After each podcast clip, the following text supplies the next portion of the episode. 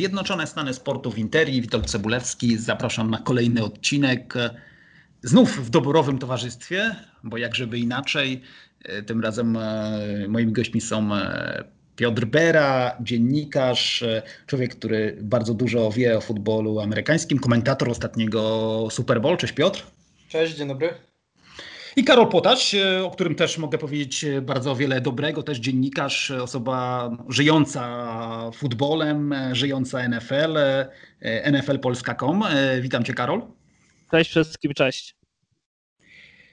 Zaczynamy podcast przeddraftowy, no, który będzie no, można powiedzieć, taki e, łamany, czyli najpierw e, zajmiemy się tym, co się będzie działo w Cleveland, bo to jest miejsce e, draftu 2021, tymi nazwiskami, o których pewnie wszyscy mówią, no bo trochę czasu musimy temu poświęcić, natomiast później trochę będę chciał, żebyśmy przeszli od szczegółu do ogółu, czyli porozmawiali w ogóle o drafcie jako o wydarzeniu, jako wydarzeniu medialnym, ale także o realnym znaczeniu wyborów w tych mm, w drafcie mówię o tych e, czołowych wyborach, czyli jedynce, dwójce, trójce, mm, dla mm, układu sił e, i dla znaczenia później poszczególnych drużyn. E, dobra, to zaczynamy od tego, co się będzie działo w Cleveland. Tam zdaje się, panowie, trzy trzy miejsca będą takim, taką areną e, draftu, czyli obiekt Browns, e, Rock and Roll Hall of Fame i e, Great Lakes, Great Lakes Science Center. Bardzo czekacie na ten draft. To jest coś, ta, ta, ta sytuacja tak ogólnie, prawda, covidowa, poprzedni sezon, prawie bez żadnych problemów, który się zakończył ale już e, powiedziałbym, że wasz taki apetyt e, już e, powiedziałbym, brakuje wam futbolu i ten draft już powoli wam będzie zastępował realną grę. Może zaczniemy od Piotra.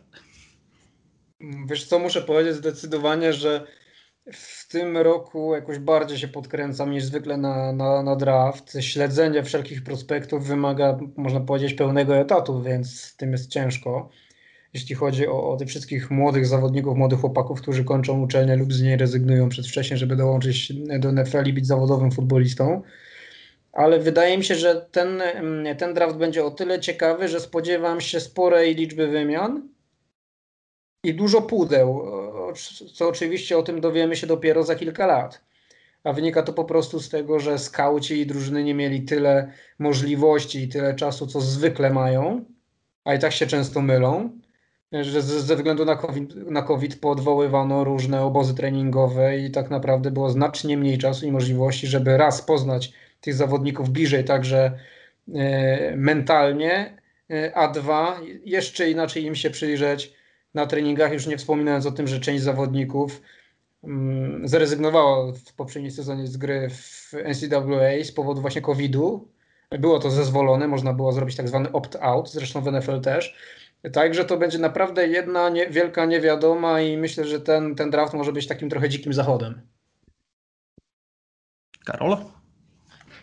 Mam podobne zdanie jak Piotrek i też jeszcze chciałbym, może chcę, chcę też dodać, e, by też może wyjaśnić trochę naszym słuchaczom, że ten opt-out e, to była owszem e, decyzja samych zawodników, no bo chcieli jakby się chronić przed e, koronawirusem, bo wiadomo jak, jak wyglądał ten ostatni rok i jakie to były czasy.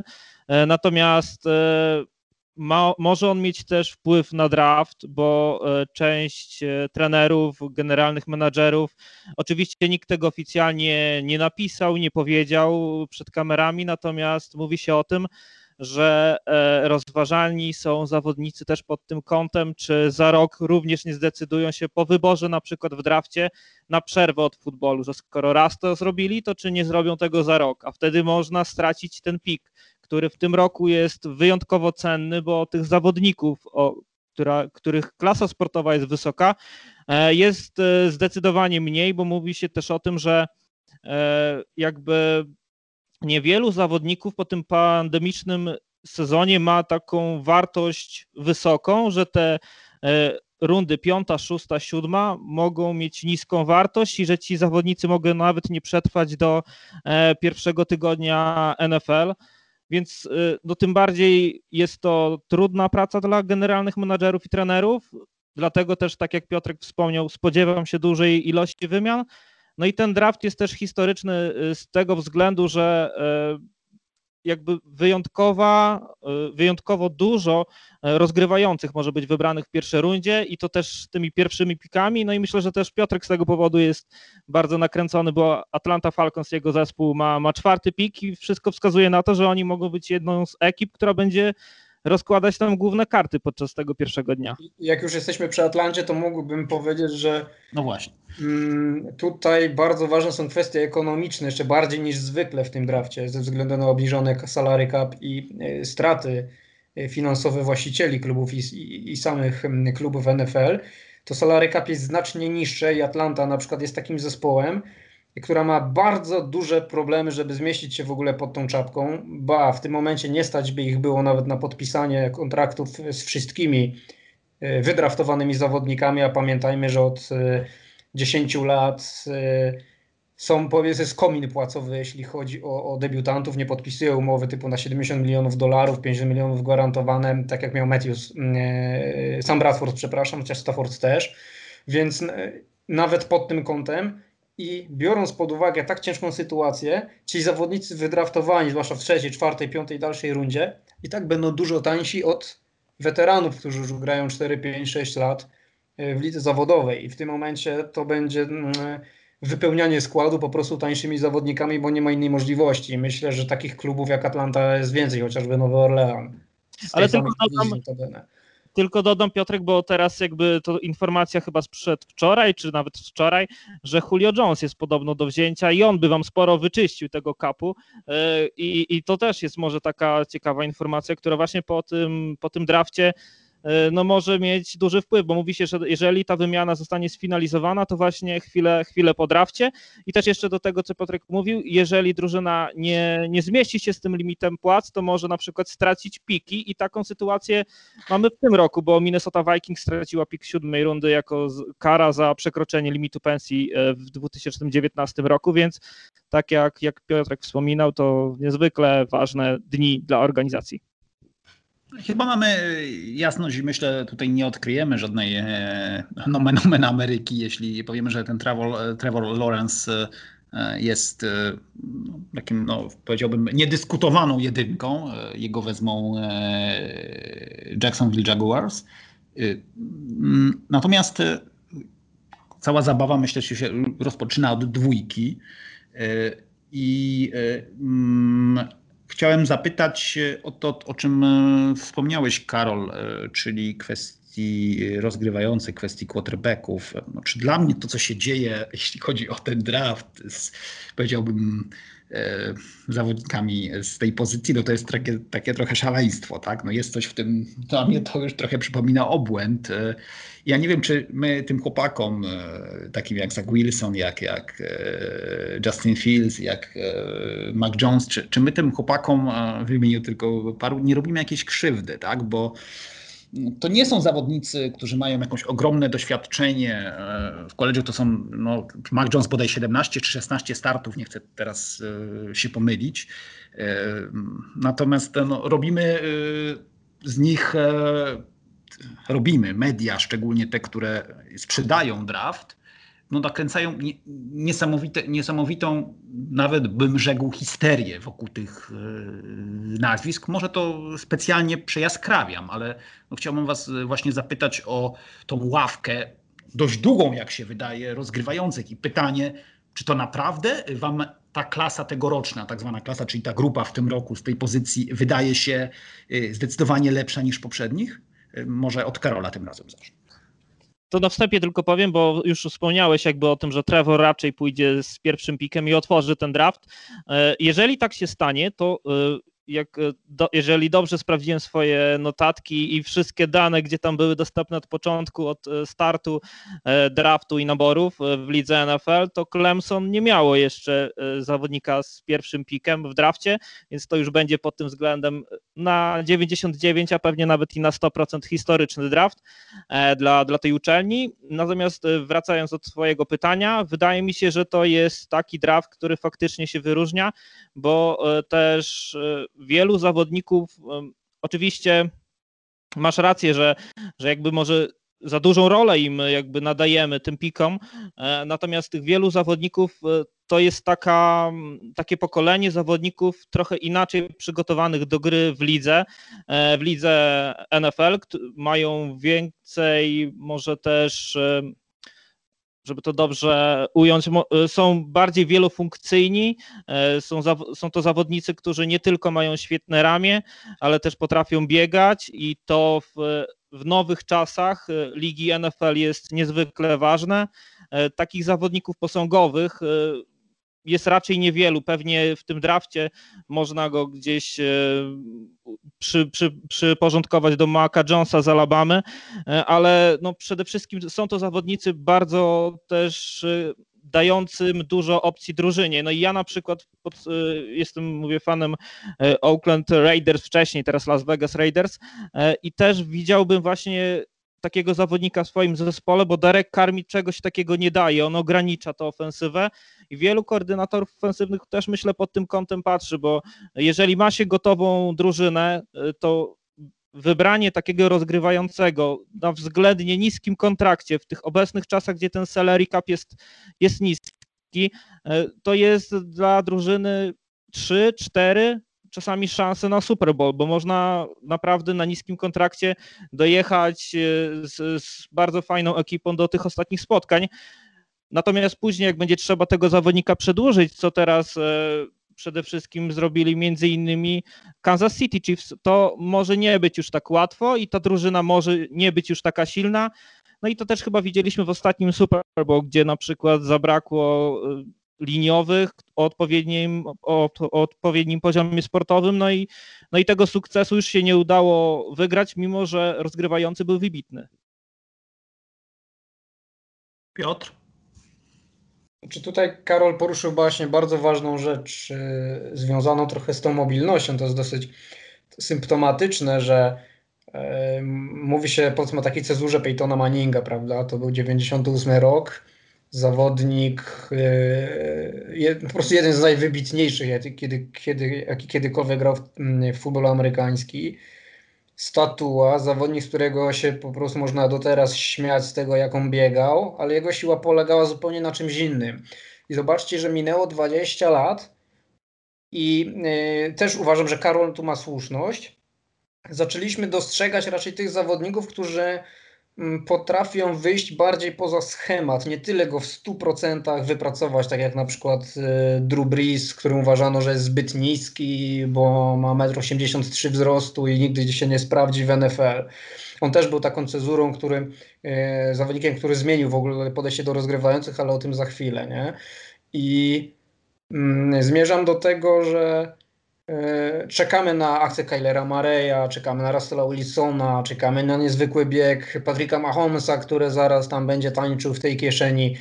I, I troszeczkę tu nam się ten futbol zawodowy zmienił. Bardziej w tym kontekście przypomina e, futbol e, akademicki i wydaje mi się, że na ten moment do końca nie da się tej zmiany globalnie zatrzymać, chociaż jak pokazał finał, to jednak wygrał Tom Brady, który jest statuą, nadal jest w czołówce kilku takich znakomitych rozgrywających, stojących głównie, głównie w kieszeni, ale futbol się zmienia i wydaje mi się, że zmienia się w, w kierunku takim bardziej mm, efektownym, żeby więcej się działo na tym boisku, było więcej punktów, więcej takich super mm, biegów rozgrywającego i, i wydaje mi się, że ten draft też jest takim trochę znakiem czasu, a jednocześnie jest też oznaką tej karuzeli właśnie wśród rozgrywających, jaką mamy od początku sezonu już po, znaczy od sezonu transferowego, zmiany rozgrywających w Indianapolis, w Filadelfii, Drew Brees na emeryturze mm, i wymiana między Detroit a Los Angeles Rams. Nie przypominam sobie naprawdę takiego sezonu, w którym tak wiele drużyn zmieniałoby podstawowego rozgrywającego i jednocześnie walczyło tego rozgrywającego w drafcie. To, to jest, mam takie wrażenie, jakby kluby też dostosowały się trochę do, do tego podkręconego właśnie tempa przez e, całą fabrykę, jaką jest NFL trochę taki Disneyland. No tak, ale tak a propos tego, co też no, obaj mówiliście, takie wzorce tych rozgrywających, jeśli mówimy o większej efektowności, o tym, że to będą zawodnicy, którzy będą więcej biegać z piłką, czy łączyli te pewne elementy, no to przecież też już mieliśmy.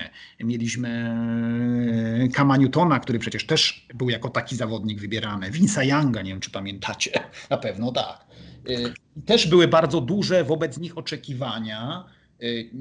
Nie powiem, żebym uważał, że Cam Newton wszystkich nie, nie spełnił, no bo był bardzo blisko tytułu, swoje, powiedziałbym, swoje zrobił, może nie na miarę tego, co powinien był. Tutaj różne elementy moim zdaniem brały, powiedziałbym, E, miały w tym swój udział, także jakieś pewnie oso kwestie osobiste i kwestie charakteru, e, ale mm, no, bo jedna rzecz to jest to, co powiedzieliście, że to, żeby to efektownie wyglądało, ale druga to jest efektywność. Mówiłeś, e, Piotrek, o, o Brady, który też zdobywa mistrzostwa. W międzyczasie zdobył jako rozgrywający, powtarzam, Nick Foles, który też no, no, powiedziałbym nie, nie jest jakimś zawodnikiem nie, niezwykle efektownym, zdobywał też przecież nie, nie tak w sumie dawno, mówię o, patrząc na całą historię NFL, jeszcze przecież Peyton Manning jeszcze w Denver,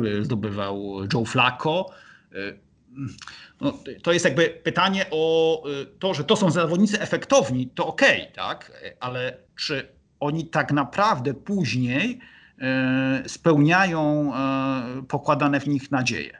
bo z tym y, wydaje mi się jest problem, jeśli chodzi o właśnie graczy, którym się zachwycamy, że to są tacy gracze combo, y, dual treat, jak ich y, nazwiemy.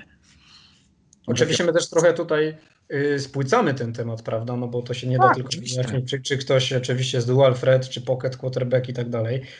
No, prototypem powiedzmy tym współczesnym jest Michael Vick 2001 rok, zresztą dzisiaj na The Atleticu pojawił się bardzo dobry tekst przypominający w ogóle draft 2001, w którym jeszcze wybrano Ladaniana Tomlinsona i, i Drew Breesa, w ogóle San Diego Chargers wybrało jak swoimi pierwszymi dwoma pikami przyszłych Hall of Famerów. I, I tam było to fajnie podkreślone, że Vic był pierwszym takim zawodnikiem po latach, po Stevie Youngu, który zresztą miał prawie 2 metry wzrost, y, met, prawie 1,90 m, Randall Cunningham miał prawie 2 metry. Takich naprawdę dual threat y, quarterbacków, którzy e, grali naprawdę wspaniale i, i, i, to jest kawał historii NFL.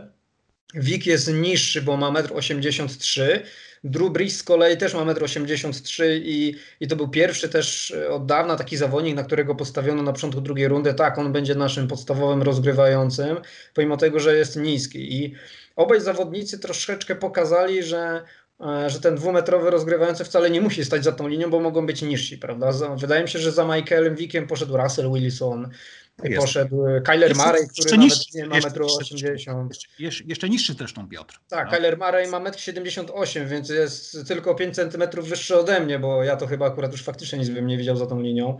Ale zmierzam do tego, że jakby sukces jednego czy dwóch zawodników może pokazać zupełnie inne podejście. Nie? Cam Newton yy, ma, jest też wysoki, myślę, że on ma spokojnie, bo ma ponad 1,90 m, jest w ogóle zbudowany jak yy, linebacker, mógłby grać spokojnie w obronie. I tu też poruszyłeś kwestię Newtona pod kątem, czy on się też sprawdził, nie? I to jest pytanie, czego byśmy wymagali od tej jedynki draftu, czy na powiedzmy top 3, bo dla mnie y, Cam Newton jest zawodnikiem, który spełnił swoje oczekiwania, nie? Do, do, doprowadził drużynę do Super Bowl, mm, został MVP sezonu, grał w Pro Bowl, ok, później miał problemy z urazami, y, ale doskonale wiemy, jak trudno jest zdobyć Super Bowl i jak wielu fantastycznych zawodników, chociażby Dan Marino, nigdy nie zdobyli mistrzostwa, prawda? E, także gdybym był generalnym menedżerem i z jedynką wybrał zawodnika, który będzie MVP sezonu i doprowadzi mnie do finału i chociażbym tam przegrał, to znaczy, że wykonałbym dobrze swoją robotę, tak myślę. Karol?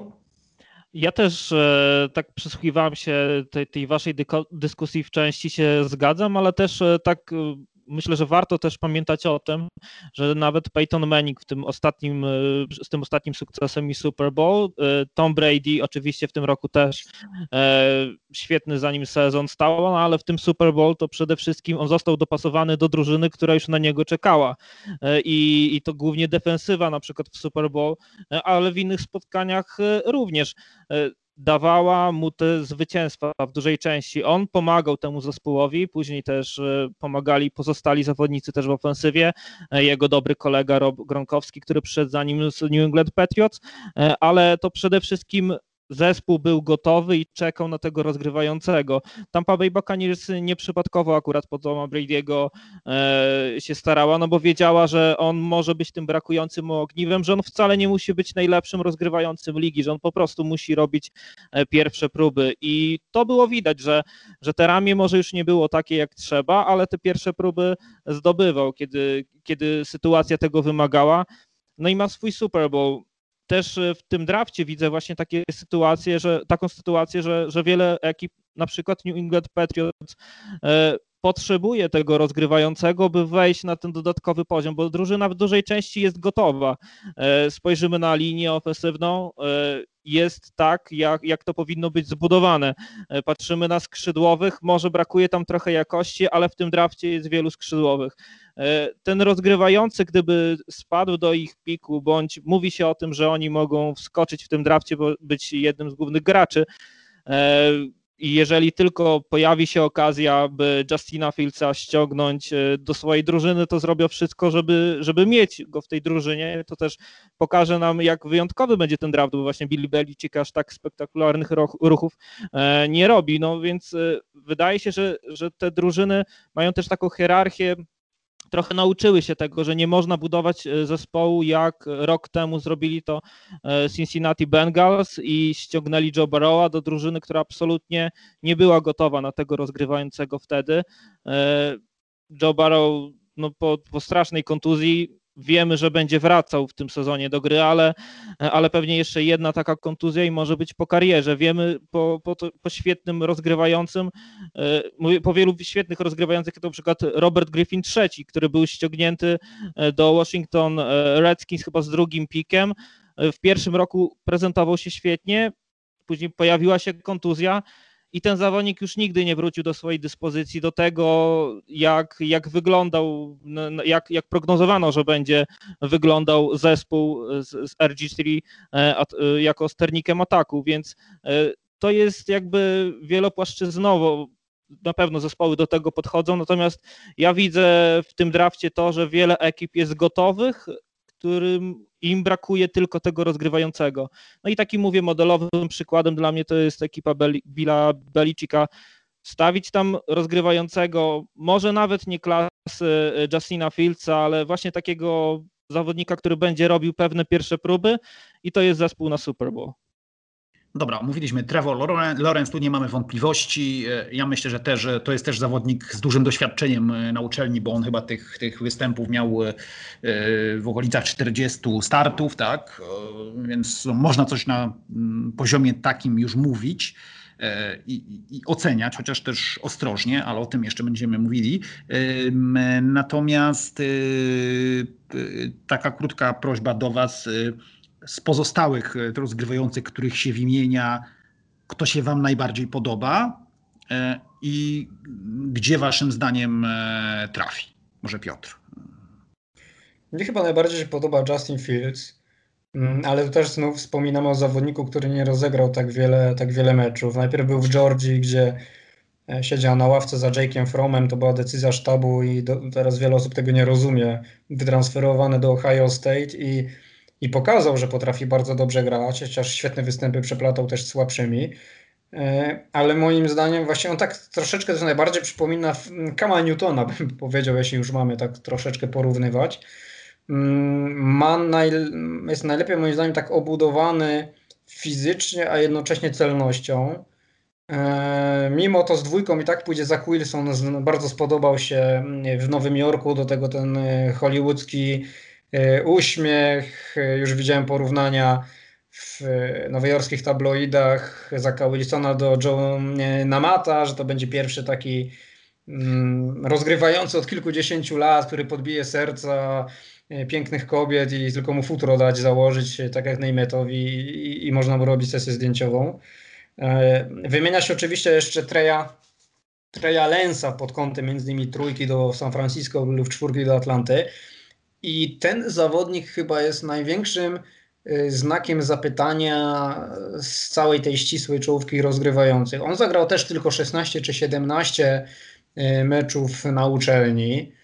Y, wygrał bodajże wszystkie. Nawet nie wiem, czy rzucił jakikolwiek przechwyt w jednym pełnym sezonie. W minionym sezonie zagrali tylko jeden mecz towarzyski, bo w FCS z powodu COVID-u rozgrywki zawieszono.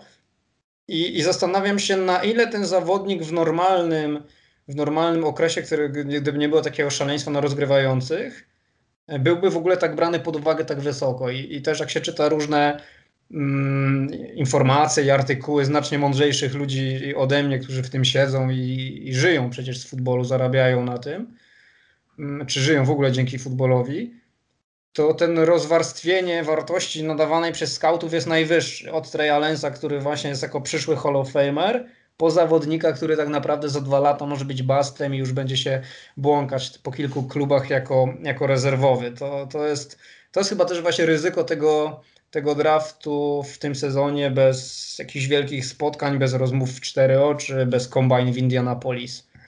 No tak, bo to trzeba e, o tym wspomnieć. Nie było e, NFL Combine, który ja zresztą lubię. E, tak, a propos mojej może nie tak wielkiej miłości do draftu, o tym jeszcze będziemy rozmawiali.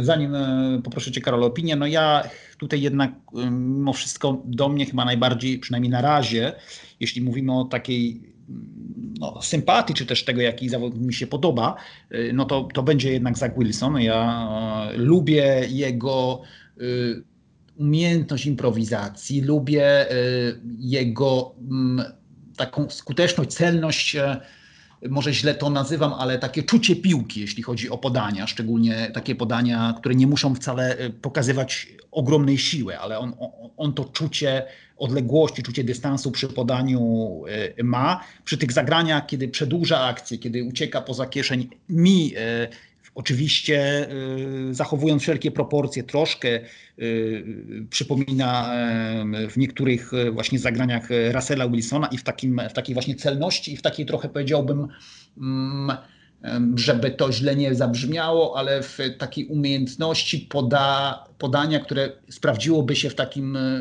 futbolu e, na podwórku, takim e, backyard football.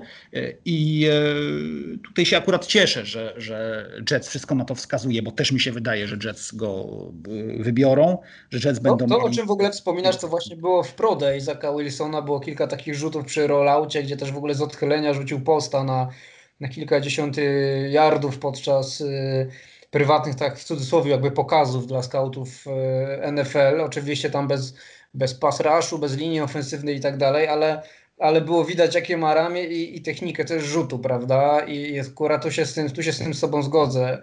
Potrafi też zdecydowanie improwizować za Wilson. Tak, więc to, to rzeczywiście te, te, elementy właśnie przy, przy rolloutie moją uwagę y, zwróciły.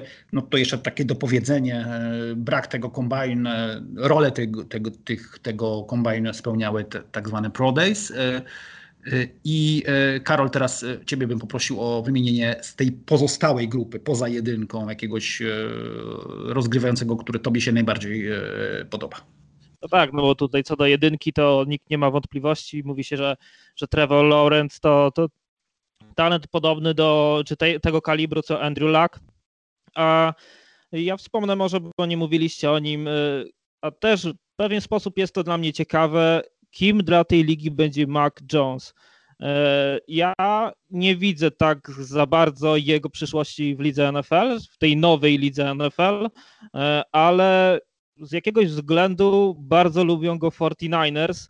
E, oni mają bardzo wysoki pik i, i, całkiem możliwe jest to, że wybiorą go na przykład z trzecim pikiem, co będzie dla mnie no, dużą sensacją i zagadką jednocześnie, bo e, Kyle Shanahan to świetny koordynator ofensywy i potrafi prowadzić talenty do, do, do, do sukcesów i do tego, że, że ta ofensywa wygląda bardzo dobrze i on widzi coś w tym ma, w Macu Jonesie, co ja chyba jeszcze nie dostrzegam, a, a to może być taki zawodnik, który też wielu o tym wspomina, mieć ten sufit bardzo wysoko.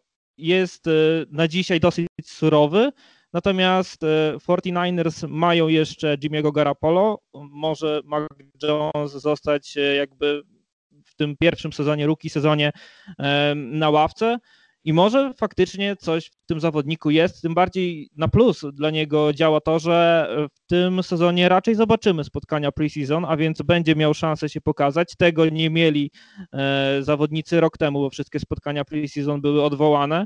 E, te treningi też w miarę wracają do normalności, nie takiej, jaką widzieliśmy przed e, oczywiście pandemią, no ale tych treningów będzie zdecydowanie więcej i myślę, że ci zawodnicy wchodzący do ligi będą mieli zdecydowanie łatwiej, i jeśli dzisiaj 49ers e, zdecydują się na Maca Jonesa, to za rok, no kto wie, jeżeli będzie dobra linia ofensywna, to ten zawodnik z pewnością ma jakieś umiejętności, które pozwoliły mu e, dotrzeć do Alabamy z pewnością też tam już się rekrutuje takich zawodników trochę innych od, e, od może innych uniwersytetów, bo, bo jednak tam no, jest otoczony e, świetną linię, świetnymi, e, świetnymi odbierającymi Titanami, więc pewnie mu ta gra też jest, grę jest mu łatwiej prowadzić. Ale ja no, jestem ciekawy, czy Mac Jones będzie przyszłością tej ligi. Kto wie, może właśnie 49ers będą brać go z trzecim pikiem, więc no trzeba, trzeba spoglądać.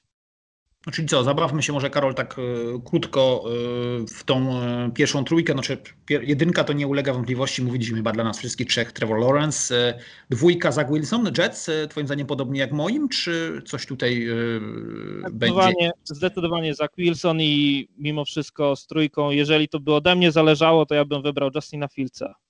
I, I, rozumiem, że tutaj w, e, z trójką, ale nie, w tej trójce nie przewidujesz, rozumiem, żadnych. E, nie, nie.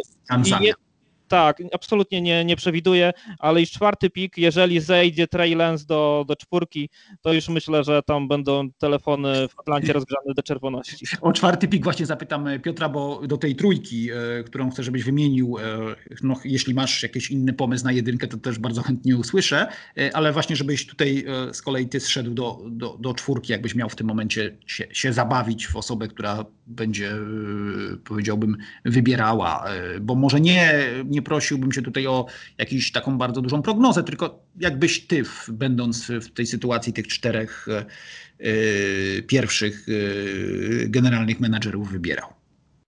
Lawrence, Wilson, Fields i w przypadku Atlanty brałbym Kyla Pizza lub Peneja Suela albo schodził w dół, nie brałbym rozgrywającego. Akurat jestem w mniejszości ludzi związanych z Falcons, bo akurat tu się przyznam, to nie jest wielka też jakby niespodzianka, że prywatnie jestem fanem Falcons, mm, ale po prostu nie, nie, nie, nie widzę sensu brania rozgrywającego, który być może nawet dwa lata będzie siedział na ławce rezerwowych w obecnej sytuacji Falcons, bo Matt Ryan ma tak wysoki kontrakt i tak zwany dead cap, czyli zamrożone pieniądze, które i tak liczą się przeciwko drużynie, nawet jeśli tego zawodnika już nie będzie w zespole.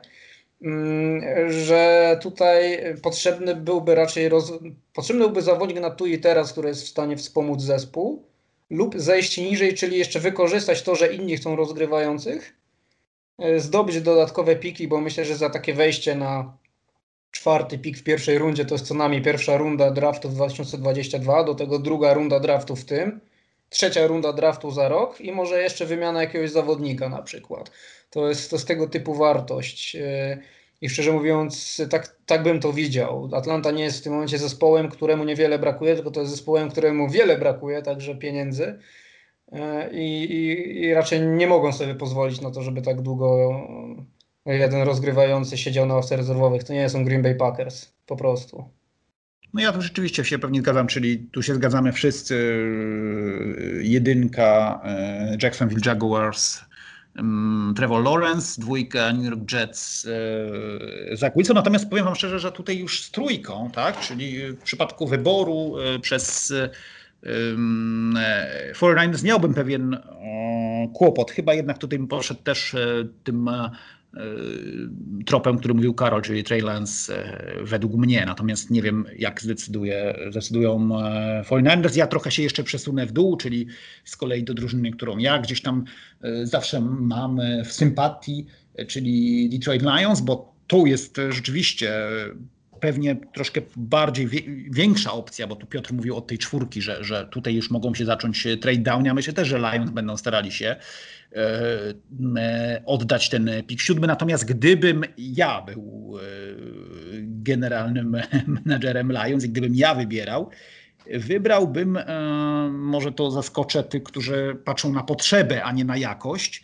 bo wiadomo, że w drafcie zawsze się te dwie niejako racje ze sobą spierają, prawda? Czy potrzeba na danej pozycji, czy jakość, czy jakiś zawodnik, który mm, się szczególnie wybija, niezależnie od tego, jak w tym momencie jest e, zespół e, ułożony. Ja generalnie jestem zwolennikiem raczej pójścia za potrzebą, ale w tym przypadku, może jak to zabrzmiało jeszcze, może nie za bardzo fortunnie, ale y, czyli wyboru według potrzeby, ale w tym przypadku jednak wybrałbym jakoś, wybrałbym e, e, Kyla Pizza, dlatego że to jest według mnie gracz, który no, wybija się i to jest mm, rzeczywiście ktoś, kto e, da ogromnie wiele swojej e, ofensywie. Tutaj e, zupełnie mnie nie przekonują kwestie TJ'a Hawkinsona, innych zawodników, których też ma, mają Lions, jeśli chodzi o głębie na pozycji e, tight.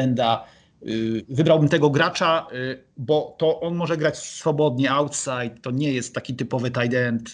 On może stać się tak naprawdę takim klasycznym receiverem, ma tyle różnych możliwości i tworzy taką wartość dodaną dla ofensywy, moim zdaniem przynajmniej, oczywiście za chwilę o tym będziemy kontynuować rozmowę, czy tak się stanie, czy nie, ale wybrałbym pewnie Kyla Pizza i nie tradowałbym w dół, bo to jest według mnie e, człowiek, który może zrewolucjonizować e, każdą ofensywę, jeśli oczywiście będzie mu zdrowie dopisywało, jeśli elementy charakteru tak, i elementy, które no, pozwalają się rozwinąć w NFL mu dopiszą. Jeszcze poprosiłbym Was o opinię o, o Pitsie, bo to mnie też interesuje.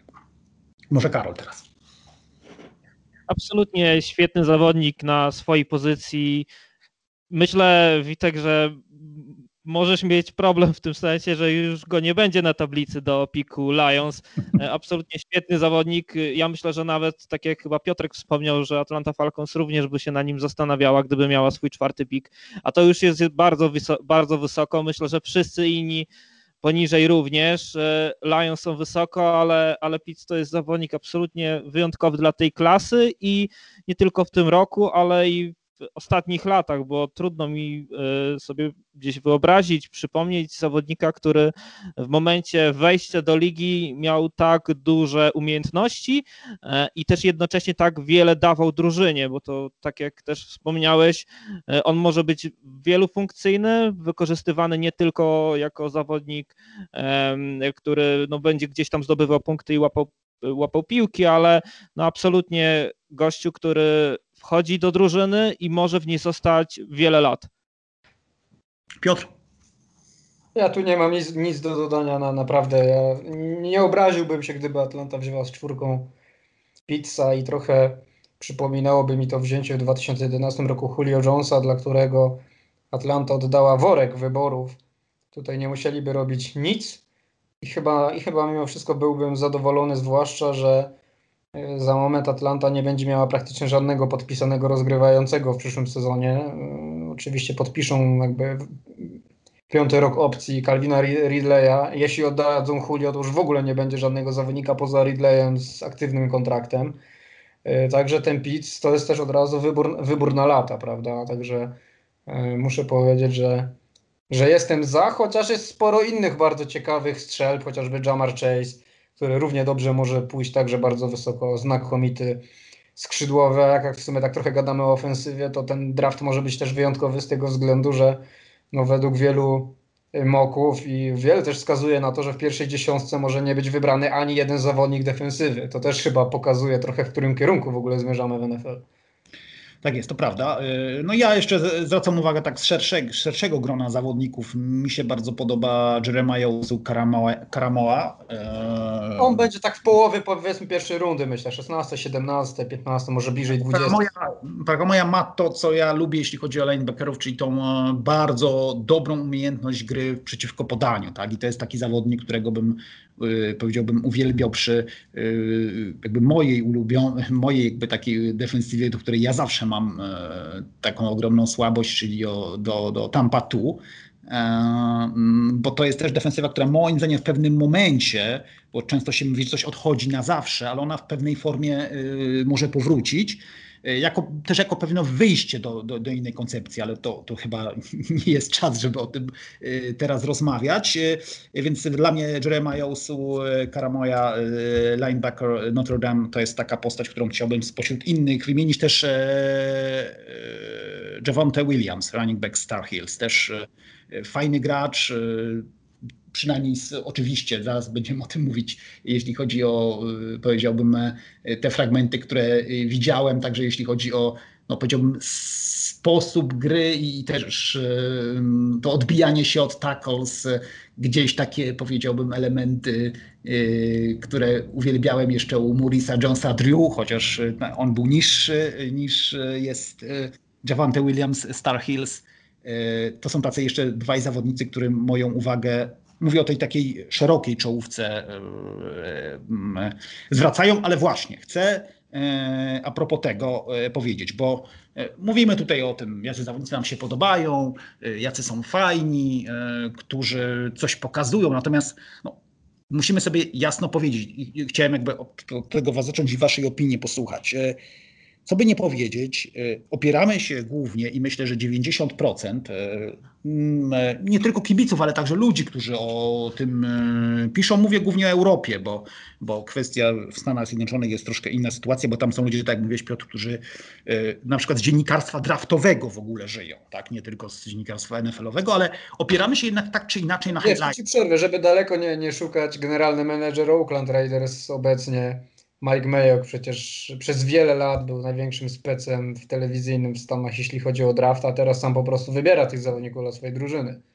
Tak jest, tak jest. I, i to prawda, y, ale y, żeby y, kontynuować, opieramy się jednak głównie na highlightsach. Niewielu z nas ma możliwość studiowania, czy też czas na to, żeby studiować. Nie dość, że całe filmy z sezonu tych zawodników uniwersyteckich, ale jeszcze je porównywać na danej pozycji, czyli nie studiować jednego i przeglądać film, tylko mieć to porównanie. Więc jakby dla nas trochę ci zawodnicy, takie mam wrażenie, to są wszystko to jest wszystko zestaw highlightsów. E, a potem e, okazuje się, że to, to są jednak zawodnicy podczas meczu. E, ja mam z tym zawsze problem, jeśli chodzi o. Oczywiście zastrzegam, że, ten mi się podoba, ale no nie oszukujmy się, żeby mieć taki pełny obraz tak, i, i mówić bardzo autorytatywnie, no to trzeba rzeczywiście tutaj, no, trzeba by rzeczywiście móc obserwować tego zawodnika i przeglądać jego filmy z całego sezonu, na co my, przynajmniej ja nigdy nie będę miał czasu jeszcze porównywać na danej pozycji. I to jest wyjście do, do, do pytania, które y, staram się i, i, chcę Wam zadać. Otóż y, na ile y, to mm, te moki, tak, czyli to, to te, powiedziałbym takie, jakby to inaczej dobrze nazwać, projektowane drafty, takie jakie powinny być, jakie y, zdaniem ludzi, którzy robią te moki, czy te przymiarki do draftów, będą na, jak wy oceniacie w ogóle tą, tą, tą, tą formę, jak wy oceniacie ją, y, jej prawdziwą przydatność i na ile to jest rzeczywista ocena, na ile to jest właśnie, nie wiem, e, to ci wszyscy zawodnicy, o których mówiliśmy, to są na razie dla nas królowie e, fajnych akcji e, z wybranych meczów, w którym im poszło całkiem dobrze. Może Piotr. Wiesz co, wydaje mi się, że częściowo też masz rację w tym, że od początku machiny draftu, która rusza już po Super Bowl za, zaczynamy robić y, jakieś takie ostre pierwsze moki, czy, czy robią to dziennikarze przede wszystkim w Stanach Zjednoczonych. Trochę pójdzie, poddajemy się pewnej narracji wytworzonej już w pierwszych dniach. Oczywiście mm, ktoś jeszcze we wrześniu 2020 roku mógł być znacznie wyżej niż na początku 2021 roku, czyli kilka miesięcy później po sezonie. Ale globalnie poddajemy się tej narracji, która jest narzucana jakoś uważam przez te mainstreamowe media, właśnie kto jest najlepszy, kto powinien pójść wysoko i dlaczego. Yy, no bo w sumie w jaki sposób my, jako, jako fani, jako ludzie w jakiś sposób zajmujący się też futbolem i prywatnie nawet, jeśli poświęcimy dużo czasu, to i tak będzie właśnie za mało, nie? Dlaczego mamy w sumie nie wierzyć tym wszystkim skautom i ludziom, którzy żyją po prostu właśnie z pisania o futbolu czy, czy drafcie, którzy mają większy dostęp do mm, powiedzmy sejfu każdej drużyny, gdzie są listy, tony nazwisk, e, plusów i minusów danego zawodnika, plus te kwestie charakterologiczne, które są niezwykle ważne i praktycznie co roku, tuż przed draftem albo nawet w dniu samego draftu wychodzi jakaś historia, że e, nie wiem, ktoś ma makshota, czyli zdjęcie po prostu z zatrzymania policyjnego, albo nagle go przyłapano na przykład na paleniu marihuany i później taki zawodnik spada E, nawet kilka rund niżej. E, dlatego myśl, myślę, że w dużej mierze mimo wszystko właśnie opieramy się na pewnej narracji, która po prostu została wytworzona. Tak to widzę. Karol?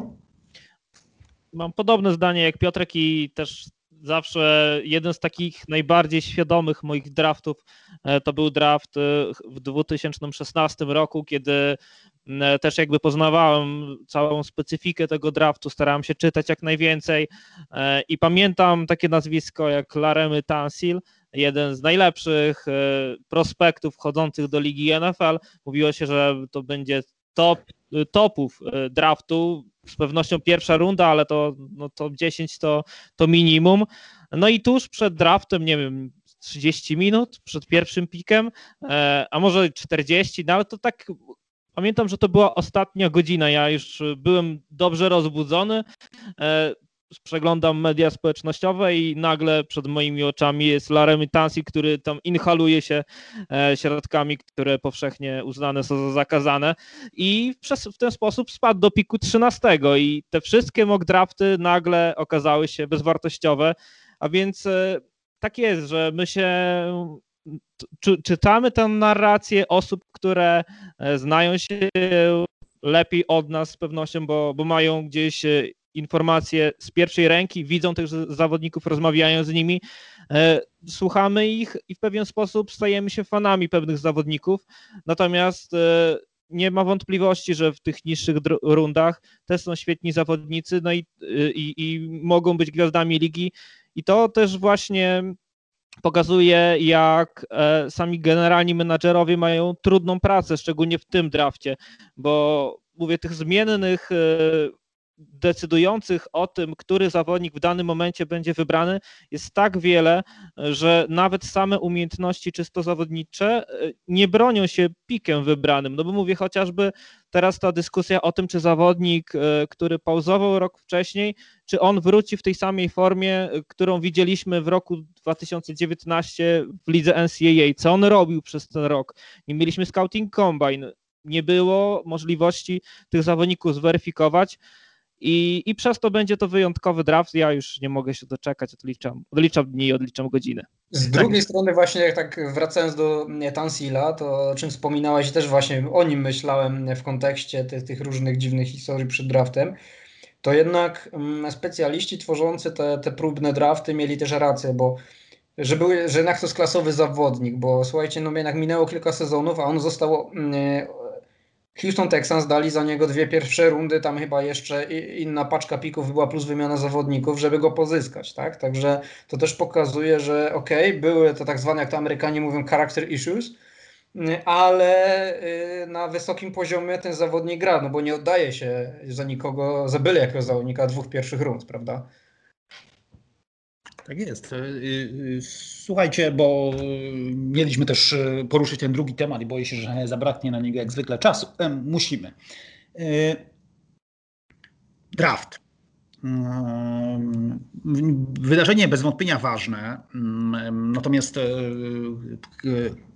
wydaje mi się, że jednak chyba w tej formie, którą teraz nią znamy i o której teraz mówimy, zaryzykuję przereklamowane, jeśli chodzi szczególnie o te y, wybory w same top. Taka, taka ciekawostka i może, znaczy fakt ogólnie znany, to nie jest ciekawostka, ale coś daje do myślenia. Tak? No w, na razie mamy jakby trzy drużyny, są trzy drużyny, które do tej pory nie miały ani jednego wyboru z numer jeden w drafcie.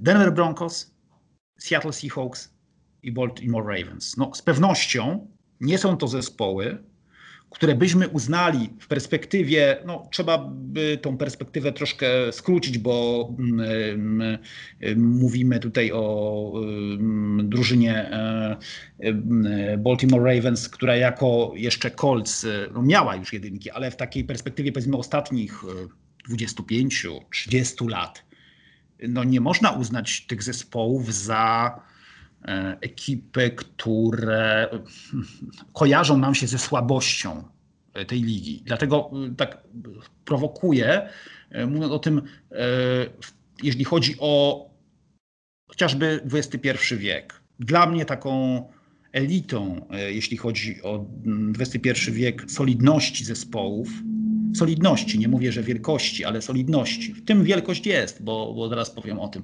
E, czyli to są, to, to są e, takie organizacje jak Patriots, jak Seahawks, jak Steelers.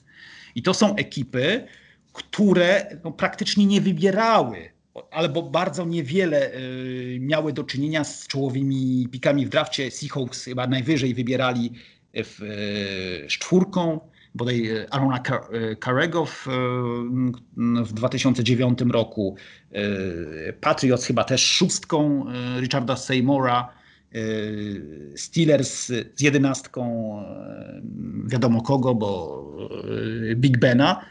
No ale to jest, to jest właśnie pytanie, no skoro te organizacje takie sukcesy osiągały i są dla mnie pewnym wzorcem, no to jakie znaczenie ma Piotr, bo może do ciebie teraz to pytanie. Ten wybór w pierwszej trójce mm, draftu, jakie znaczenie ma realne później dla e, tej organizacji, która to wybrała, Twoim zdaniem? Wiesz, jeśli klub wybiera mm, z pierwszym, drugim lub trzecim wyborem, to znaczy, że poprzedni sezon miał naprawdę fatalny. I powody mogą być różne, prawda? Tak jak Indianapolis Colts wybierało z jedynką Andrew Laka, gdy Peyton Manning doznał poważnej kontuzji i tak naprawdę żaden z rozgrywających, który był tam wpuszczany w jego miejsce się nie sprawdził, ale też nikt w Indianapolis nie ukrywał, e, że to jest po prostu tankowanie po Andrew Laka i to jest wypadek przy pracy. Ale jednak większość tych drużyn e, to są zespoły, które przez jakiś czas mają, mają problemy i to też nie jest przypadek. Te pierwsze powiedzmy trzy wybory też są najbardziej nadmuchane w tym kontekście, że dają największe, największe nadzieje, prawda, tym właśnie kibicom, drużynie, po wygłoszeniu tej słynnej formuły przez komisarza e, ligi, e, uśmiechnięty młody zawodnik wychodzi na, na, na scenę, dostaje koszulkę z numerem e, jeden i jakoś tak każdy wierzy, że będzie po prostu dużo lepiej, no bo w teorii wybiera się najlepszego zawodnika z kilku tysięcy dostępnych, którzy każdego roku kończą uczelnię lub e, przedwcześnie z niej rezygnują, żeby trafić do draftu. Mm, także z tej perspektywy jest to, jest to niezwykle istotne, ale jak też pokazała historia chociażby ostatnich 20 lat, e, to było też dużo pudeł i później właśnie ci bardzo wysoko, wysoko wybierani zawodnicy byli nazwani bastami, jeśli coś nie wychodziło, często z powodu kontuzji, często były też in, inne historie, także pozaboiskowe, chociażby przy Ryanie Leafie czy, czy Jamarcusie E, Russellu w Oakland Raiders. Mm, I to chyba e, ta ruletka jest jeszcze większa przy tych bardzo wczesnych wyborach, bo automatycznie ci młodzi ludzie mają niezwykle dużą presję na swoich barkach i niekoniecznie muszą ją udźwignąć.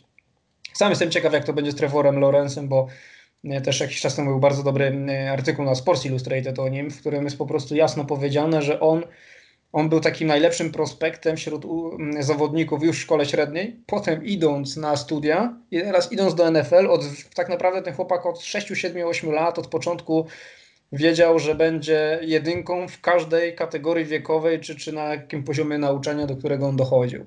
I jestem bardzo ciekaw, jak odnajdzie się w lidze zawodowej, chociaż jak sam mówi, on nie potrzebuje futbolu do tego, żeby być szczęśliwym. To też być może pokazuje jakby jakąś jego też dojrzałość emocjonalną i gotowość, prawda? Ale e, to, w jaki młyn się trafia w NFL, to tego naprawdę nie da się przewidzieć. Przykładem jest chociażby Jake Locker, wybrany kilka lat temu bodajże z numerem ósmym, który sam przyznawał, że najbardziej z futbolu cieszył się grając w szkole średniej, bo miał po prostu frajdę z tego, że grał z kumplami i, i, mogli, i mogli wygrywać mecze i ważne turnieje. Na uczelni już było trochę inaczej, bo stał się wielką gwiazdą i, i, i to mu nie odpowiadało. I w NFL po wykończeniu debiutanckiego kontraktu po prostu przeszedł na sportową emeryturę. Miał 26 czy 27 lat. Teraz żyje na wsi i, i zajmuje się hodowlą bydła między innymi. Tak? Więc to też pokazuje, że czasami mija kilka lat i jednak się okazuje, że nie wszyscy się odnajdują po prostu w tej brutalnym futbolu zawodowym. I to jest tak, tak. wielkie ryzyko. To prawda. Ja, ja nigdy nie zapomnę tego, o czym mówił na 2017 roku na OTA, na którym byłem w Allen Park, Jim Caldwell, którego zawsze bardzo szanowałem, dość go szanuję jako coach, kiedy mówił o tych zawodnikach, którzy się pojawili wówczas na, na, na mm, OTA-u, o tym, że tak naprawdę ci zawodnicy często się dopiero trafiając do NFL, oni się w pewnym sensie tego futbolu, który określa on jako futbol, czyli określa on jako futbol, czyli tego futbolu zawodowego, tak naprawdę uczą. Uczą się trenować po NFL-owemu, uczą się odżywiać, y, uczą się tak naprawdę wszystkiego i to podkreślał e, Jim Caldwell i, i to jest e, przyczynek do tego, o, o czym mówił e, Piotr. Karol, do, do ciebie chciałem jeszcze a propos tego znaczenia, bo no, mówiliśmy o tych pika, o tym wyborze w drafcie, o, o jedynych, o dwójkach, o trójkach. Znaczy dla mnie, jeśli e, naprawdę bralibyśmy na serio to, co się dzieje teraz wokół draftu, e, jako wokół wydarzenia medialnego, które jest sprzedawane przez tych, którzy pokazują, czyli NFL Network, ESPN, e, to ten, ta, ogromne, ta ogromna otoczka, ten hype, e, to jeśli bym patrzył na te wybory w drafcie z ostatnich 25 lat, to moim zdaniem tak naprawdę, jeśli chodzi o porównanie tego, jak dużo się mówi o drafcie, jak się mówi o tych zawodnikach, no jest tylko jeden zawodnik, który spełnił swoje oczekiwania. Jeśli chodzi o numer jeden, to jest Peyton Manning. A pozostali wszyscy, oczywiście nie mówię, że pozostali wszyscy byli słabi, ale chcę to wyraźnie powiedzieć, czyli e, porównać e, komunikaty, które do nas płyną, y, wielkie oczekiwania, wielkie oczekiwania, to ile się pisze tekstów, ile się mm, nagrywa podcastów o tych y, zawodnikach, tych topowych prospektach, a z tym, co się później stało na boisku. No, Peyton jest chyba jedynym zawodnikiem, który rzeczywiście możemy go nazwać człowiekiem, który e, z jedynką zrewolucjonizował futbol, czyli e, nadał pewne standardy nowe na swojej pozycji. Pozostali, mimo tego, że wśród nich byli e, świetni zawodnicy, tak jak Michael Vigo, o którym mówił Piotr, którego uwielbiam, znaczy jeśli chodzi o mojego ulubionego rozgrywającego, to jest właśnie on all time. Y, ja, ja, ja Michaela zawsze uwielbiałem. Y, uważam go za świetnego zawodnika. Czy, czy Eli Manning, który też się sprawdził w sensie tytułów mistrzowskich y, na pewno, no to dla mnie tylko Peyton mm, powiedziałbym, odpowiada mm, temu, co się dzisiaj dzieje wokół draftu, jako wokół e, wydarzenia medialnego i e, temu, ile czasu poświęcamy zawodnikowi, zawodnikom, którzy mają być wybrani z jedynką, z dwójką czy z trójką. Nie wiem, jakie jest Twoje zdanie, Karol. Mam podobne zdanie i też doskonałym tego przykładem, że nie zawsze trzeba tą bardzo dużą rolę do tych czołowych pików przykładać, jest to, jak prowadzone też są ekipy, które teoretycznie mają już sezon stracony i wiedzą, że nie zagrają w playoffach, to mimo wszystko walczą kolejne zwycięstwa, mimo wszystko oddalając się od tych czołowych pików w drafcie, by E, by no, być blisko teoretycznie elity, tak? Najlepszych zawodników wchodzących do ligi NFL. E, doskonałym przykładem są chociażby New York Jets, którzy zeszły sezon mieli absolutnie fatalny.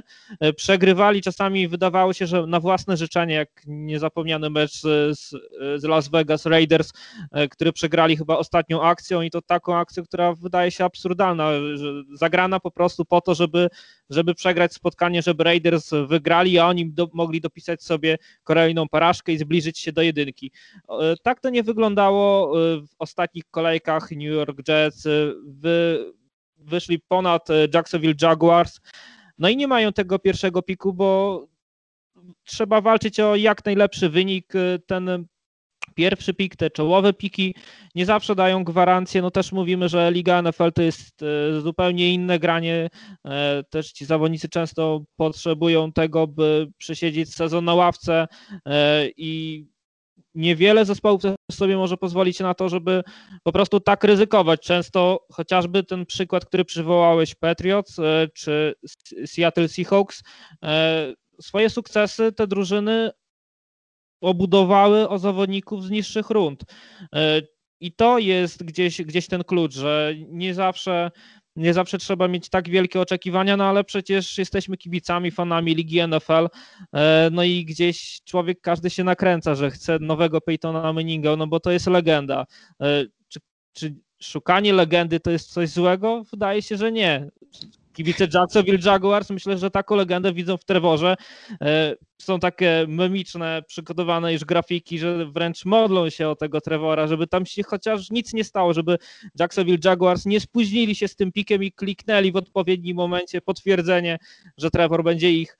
E, no, trzeba, to, to też gdzieś buduje emocje, buduje też całą wartość ligi. To nie przypadek, że, że ten draft zeszłoroczny, który dał nam trochę nadzieję normalności, że gdzieś w tym okresie, kiedy byliśmy przytłoczeni pandemią, nagle zobaczyliśmy coś na żywo w różnych okolicznościach, e, wyglądający zupełnie inaczej e, od tych draftów wcześniej, w tych wcześniejszych latach. Miał oglądalność 15,6 miliona e, milionów w Stanach, kiedy średnia oglądalność spotkania NFL to 16,6 miliona. To ogromne liczby, i to też pokazuje nam na to, że, że NFL doskonale, doskonale sprzedaje ten produkt, ale też e, pokazuje nam to, co też wspominaliście, jak wielkie obciążenia psychiczne dla tych zawodników, na tych zawodnikach są. I no i nie zawsze ten pierwszy pik to jest gwarancja sukcesu. James Winston na przykład teraz może będzie miał wielką szansę e, odbudować się pod tym nieudanym okresie w Tampa Bay e, właśnie jako następca Drew Breesa, bo ma drużynę gotową, no i teraz, teraz może pokazać swoją wartość, pewnie ostatnią szansę, ale też pierwszy pick draftu i wydaje się, że, że, że przynajmniej z perspektywy Tampa Bay zmarnowany, no bo po tych kilku latach nie było sukcesu, zwolnili go, no i teraz w nowej drużynie, jak to też w wielu przypadkach się zdarzało, że czasami te pierwsze piki w kolejnych drużynach dopiero osiągały sukces. Po kilku latach, kiedy już obudowały się e, w tej lidze NFL, w tych schematach e, i, i, i może właśnie taki też przypadek będzie e, z Jamesem Winstonem. Ja myślę też, że... Ja, ja wam powiem, że jeszcze odnoszę takie wrażenie, że trochę wpadamy w taką pułapkę natychmiastowej oceny. Przecież często te, te wybory dopiero po kilku latach wypalają, albo ktoś, kto świetnie się zapowiada, i był tutaj wspominany Robert Griffin trzeci, no po prostu z powodu urazów nagle stał się najzwyklejszym zawodnikiem, który gdzieś się tam tuła po tej lidze. E, I, I, chyba, no ale z drugiej strony to na, na, tym to wszystko chyba właśnie polega, prawda? To cały czas się kręci ledwo Roger Goodell wygłosi jakieś nazwisko, już za trzy sekundy pół świata ocenia, prawda, tego zawodnika. I chyba o to też w tym wszystkim chodzi, bo to ma się kręcić, to ma się po prostu biznes. I to jest coś niesamowitego, że moim zdaniem draft w swojej jakby mm, e, tutaj jakby tym projekcie takim, że ktoś wychodzi na scenę, mówi nazwisko, a w czasie pandemii to w ogóle komisarz Gudel wstawał z fotela w swojej piwnicy, która po prostu została przerobiona na piękny pokój, czyta z kartki nazwisko i nagle ludzie to oglądają po kilka godzin, prawda? To jest niesamowite, że mnie samego też w jakiś sposób to ciągnie, ale jaka to jest też siła w tym momencie NFL, że potrafią sprzedać coś tak niesprzedawalnego, bo, bo to, to normalnie to tak jakby, wiecie, nie wiem, posadzić czterech, pięciu ludzi przy stole i niech oni sobie 3-4 godziny po prostu gadają na, na tematy jakiekolwiek w telewizji. Ludzie by to oglądali po prostu. To prawda, to prawda.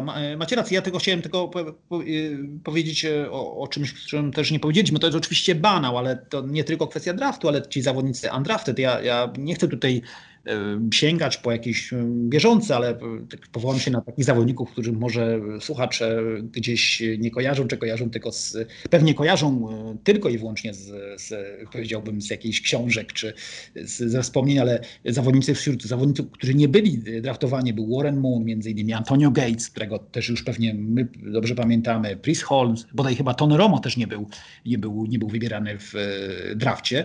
Więc... I muszę tutaj dorzucić mojego ulubionego, jednego z ulubionych zawodników to Wes Welker, kolejny zawodnik.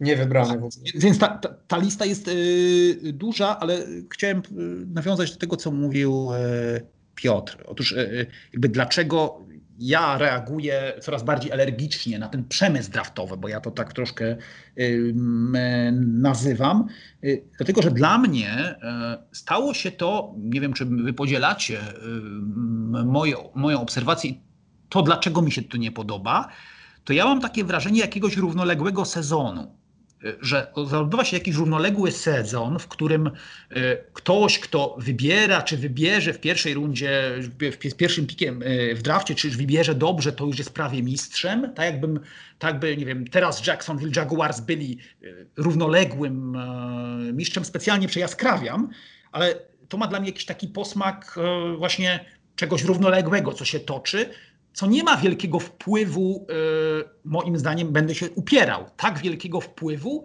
jak to jest sprzedawane. I tu Piotra poproszę o jeszcze, powiedziałbym, komentarz na koniec może, bo musimy kończyć, niestety się miło rozmawia. E, chodzi ci o to, że jakby ten wpływ końca sezonu, tak? Tak, znaczy, że, że, że, że to, ta, wpływ tego, tej równoległości, to co mi się nie podoba, ta, ta równoległość, czyli to, że zaczyna mi się wydawać, e, że ten draft zaczyna być takim równoległym sezonem, czy tym sezonem samym w sobie, tak? To wszystko, co się z nim dzieje, y, to jest y, no, coś takiego, co by można było niejako porównywać. Kończymy jeden sezon, tak? Kończymy sezon y, meczem Super Bowl i zaczynamy drugi sezon, sezon draft, który się kończy w noc draftu, a potem zaczynamy tak naprawdę już ten kolejny sezon tym razem grany.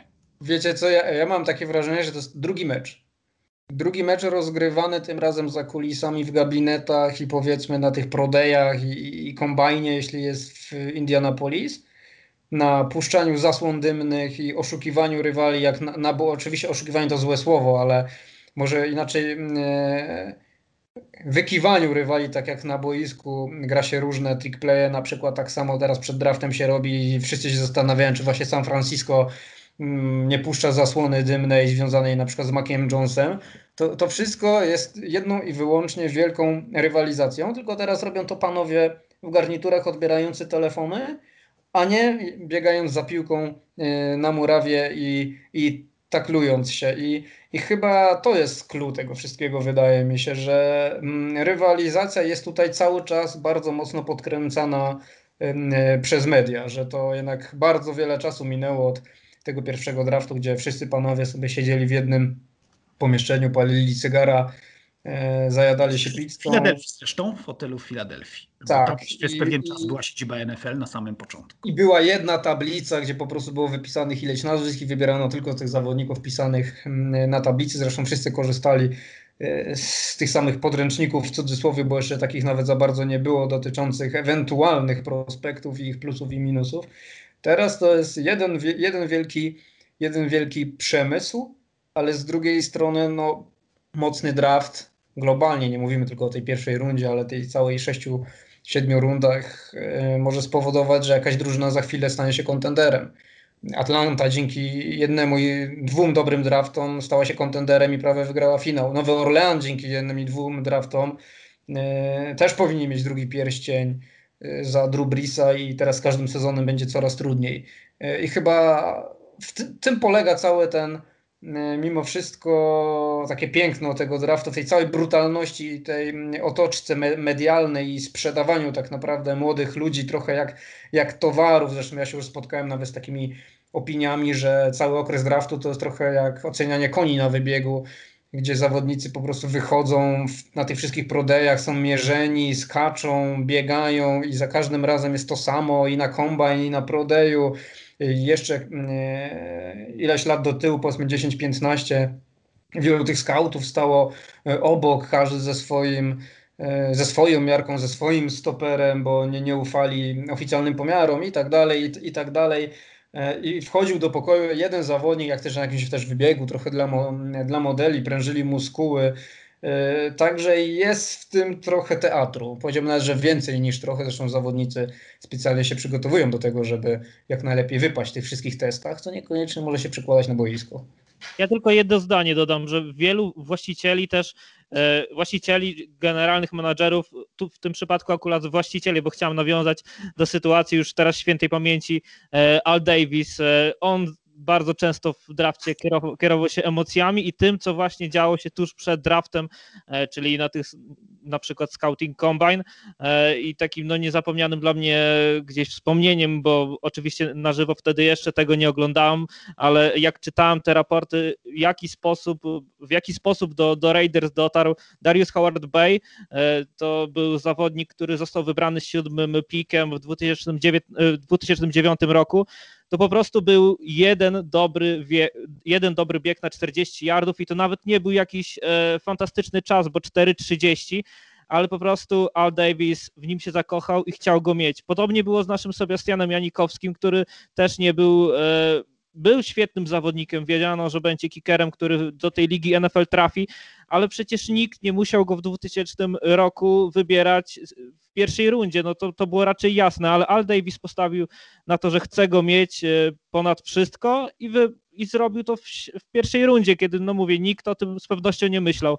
To są takie drafty, drafty to też są emocje i oczywiście sami kibice no chociażby, nie wiem, wspominaliście Donowana McNaba, e, często wygwizdują te, te piki, a później okazuje się, że ci zawodnicy zostają legendami w tych drużynach i zostają przez Przy lata. Przy J.J. Wattie było to samo w Houston, prawda? Tak jest, pamiętam. Dobrze, musimy kończyć. Niestety bardzo się miło rozmawiamy i tak przeszczeliliśmy znów, jeśli chodzi o czas i to sporo, ale no, o, o, obiecuję, że nic nie wytniemy, także ta cała nasza rozmowa się znajdzie w e, podcaście. Ja może tak podsumuję taką, takim cytatem, który często powtarzam, jeśli chodzi o drafta, czyli, draft, czyli byłego pracownika wieloletniego Packers, Kuczarika, który powiedział to słynne zdanie, że jeśli chodzi o draft, nie ma dziewic. Każdy kiedyś trafił i każdy kiedyś się mylił. Więc może to będzie najlepsze podsumowanie i też y, podchodźmy y, do draftu z pewnym umiarem i y, może nie nakładajmy też na zawodników i też na siebie tak wielkich oczekiwań. To wszystko zostanie zweryfikowane, o czym starali się Państwu mówić Piotr Bera, dziennikarz, komentator futbolu, komentator ostatniego Super Bowl. Dziękuję Ci Piotr. Dziękuję. Karol Potacz, NFL Polska.com, człowiek, który no, o futbolu też e, wie prawie wszystko. Dzięki, e, Karol. Dzięki wielkie.